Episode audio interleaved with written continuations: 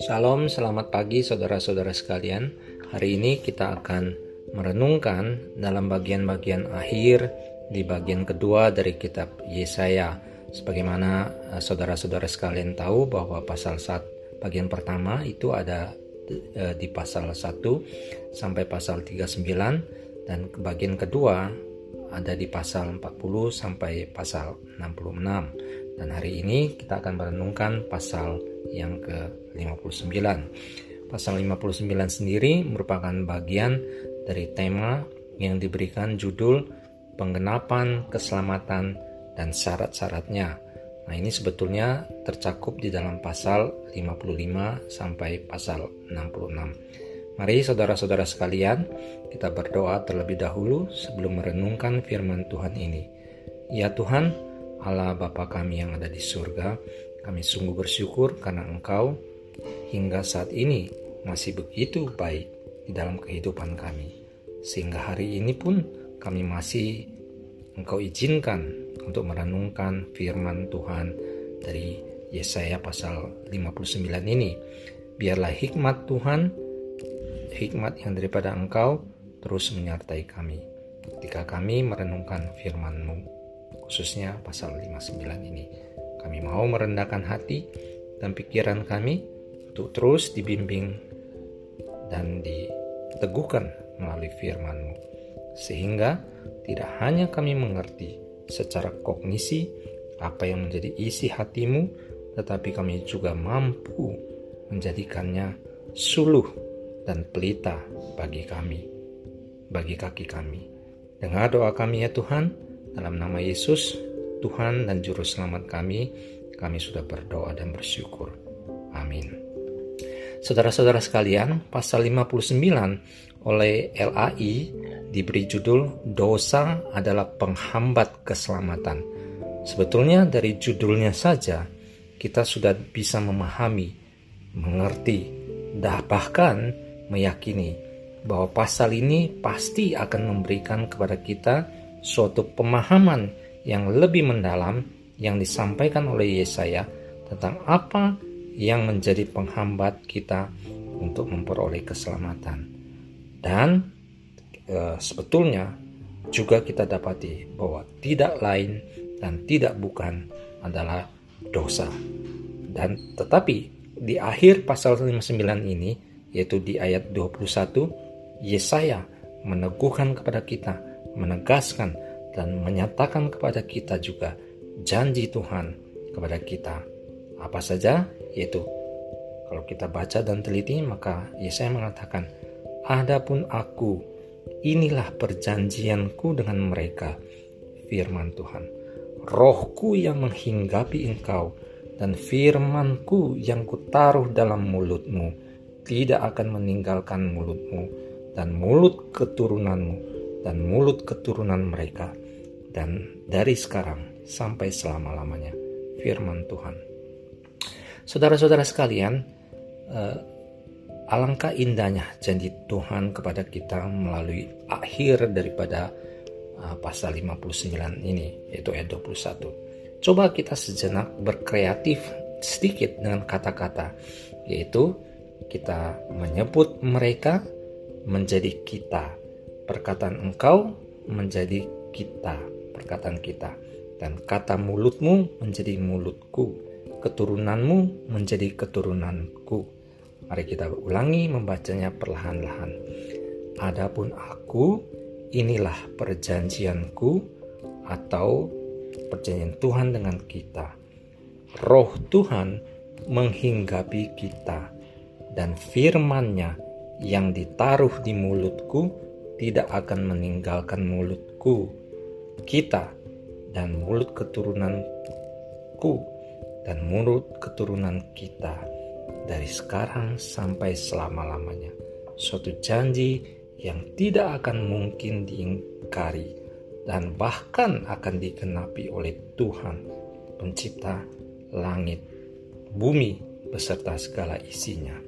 Saudara-saudara sekalian, pasal Kemarin pasal 58 ayat 1 sampai 14 sebetulnya mengekspos pemberontakan dan uh, yang dilakukan oleh bangsa Israel atau dalam hal ini uh, Yehuda.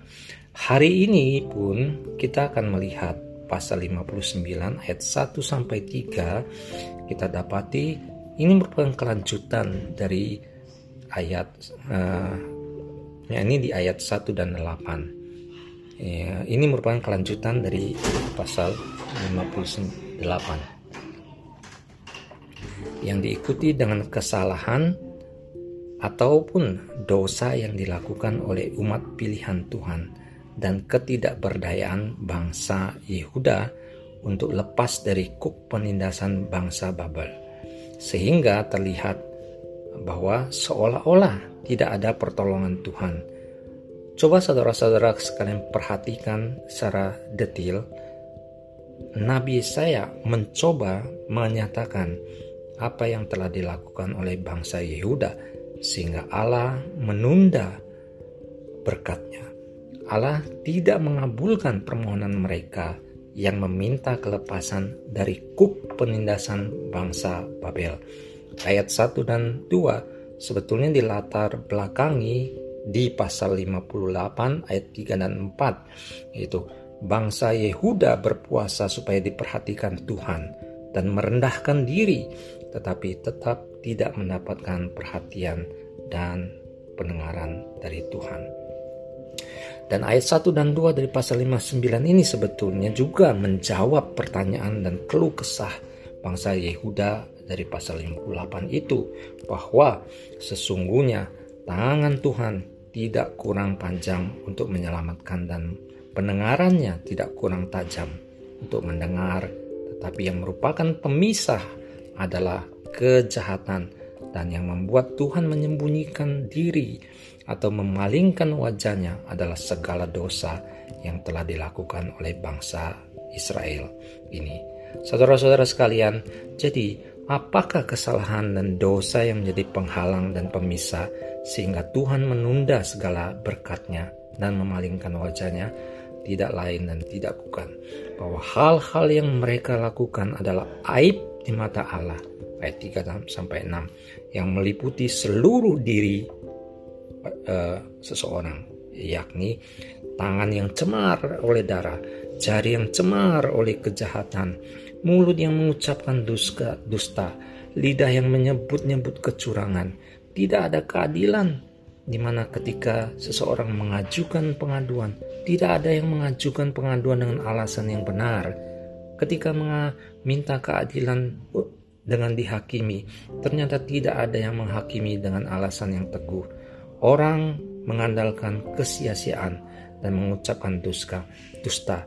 Orang mengandung bencana dan pada akhirnya melahirkan kelaliman.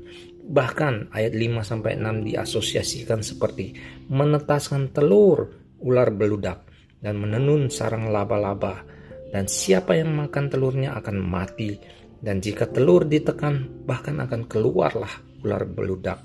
Sarang yang ditenun tidak dapat digunakan sebagai pakaian, dan buatan mereka tidak dapat digunakan sebagai kain. Perbuatan mereka adalah perbuatan kelaliman, dan yang dikerjakan tangan mereka adalah kekerasan belaka.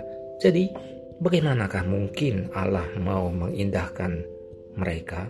Saudara-saudara sekalian, di ayat 7 dan 8 bahkan dinyatakan lagi oleh Nabi Yesaya bahwa mereka segera melakukan kejahatan dan bahkan bersegera hendak menumpahkan darah orang yang tidak bersalah. Meran, rancangan mereka adalah rancangan kelaliman. Ke mana saja mereka pergi, mereka meninggalkan kebinasaan dan keruntuhan. Mereka tidak mengenal jalan damai dan dalam jejak mereka, kalau sekarang disebut sebagai track record atau rekam jejak. Tidak ada keadilan. Mereka mengambil jalan-jalan yang bengkok dan setiap orang yang jalan di situ tidaklah mengenal damai.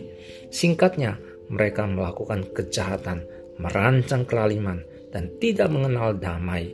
Ini ada di ayat 7 dan 8. Jadi sekali lagi, bagaimana mungkin Allah mau mendengar dan memalingkan muka kepada mereka? Saudara-saudara sekalian, bangsa Yehuda sangat mengenal siapa Allah yang dengan segala karya besarnya. Mereka istimewa sebetulnya. Mereka terlalu percaya diri dan yakin bahwa Allah pasti membebaskan mereka. Allah tentu bisa mengabulkan doa mereka. Namun ada hal yang menjadi penghalang bagi Allah. Penghalang itu adalah segala sikap dan perilaku jahat yang sudah disebutkan di atas. Mereka itu seperti ular beludak, yaitu lambang kejahatan yang bertelur dan menetaskan telurnya. Hal ini menunjukkan bahwa Israel selalu menghadirkan dosa dan pengaruh-pengaruh jahat dalam kehidupan mereka. Bahkan mereka menunun sarang laba-laba yang menunjukkan bahwa mereka telah membentangkan jaringan kejahatan di mana-mana. Jadi semacam suatu network kejahatan. Jelas sikap dan perilaku yang ditunjukkan bangsa Yehuda berkebalikan dengan keyakinan mereka. Betapa dangkalnya pengenalan mereka akan Allah. Mereka tidak takut dosa dan bahkan terus-menerus berbuat dosa sehingga semakin membuat Allah jijik untuk melihatnya. Saudara-saudara sekalian, mari kita selidiki kita diri kita sendiri. Apa yang menjadi penghalang bagi Allah untuk mencurahkan berkatnya kepada kita? Dosa apa yang masih melekat dalam diri kita? Berdoalah, mohonlah pengampunannya. Ingatlah bahwa dosa merupakan penghalang berkatnya kepada kita. Saudara-saudara sekalian, sekarang mari kita coba melihat bagian dari pasal 59 ini. Bagian pertama sudah disampaikan di atas yaitu ayat 1 sampai 3. Nah, sedangkan bagian kedua ini adalah uh, dari ayat um, ayat uh, 14 sampai habis ya. Saudara-saudara kalian, puncak dari kesedihan kita terhadap bangsa Yehuda kalau kita lihat dari pasal 59 pada ayat 9 dan 14 Nabi Yesaya melukiskan bahwa bangsa Yehuda telah menyadari betapa mereka telah melakukan tindakan kejahatan dan pemberontakan terhadap Allah.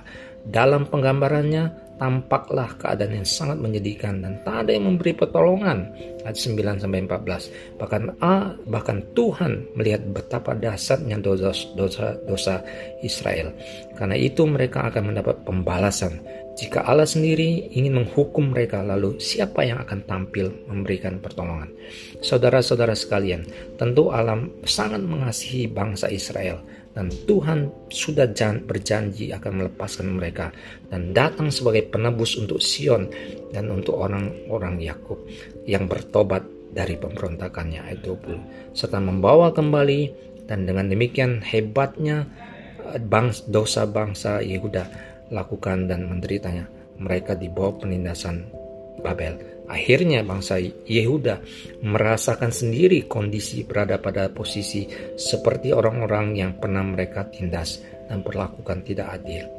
Mereka menginginkan terang, tapi justru memperoleh kegelapan. Mereka meraung-raung meminta pertolongan, tetapi tidak ada yang bersedia tampil dan memberikan pertolongan. Dalam situasi pasrah, menerima segala konsekuensi hukuman dan tiada pertolongan yang datang. Allah melihat semuanya itu. Allah bersendirilah yang mengulurkan tangannya untuk menyelamatkan umatnya. Meskipun umatnya telah berdosa, Allah telah mengasihi, tetap mengasihi dan akan membebaskan mereka. Allah ingin agar semua bangsa yang melihat perbuatannya menjadi takut dan menghormatinya. Allah di atas segalanya. Dia menolong dan menyelamatkan umatnya yang terpuruk karena dosa. Allah sudah berjanji kepada mereka yang meninggalkan dosa-dosanya dan berbalik kepadanya. Rohnya akan turun kepada mereka dan firmannya tidak akan meninggalkan mulut mereka. Allah telah datang di dalam Kristus Yesus untuk membebaskan dan menyelamatkan kita sekalipun kita masih menjadi seterunya karena dosa. Dialah Allah yang mengasihi, mengatasi dan berada di atas segala-galanya. Amin.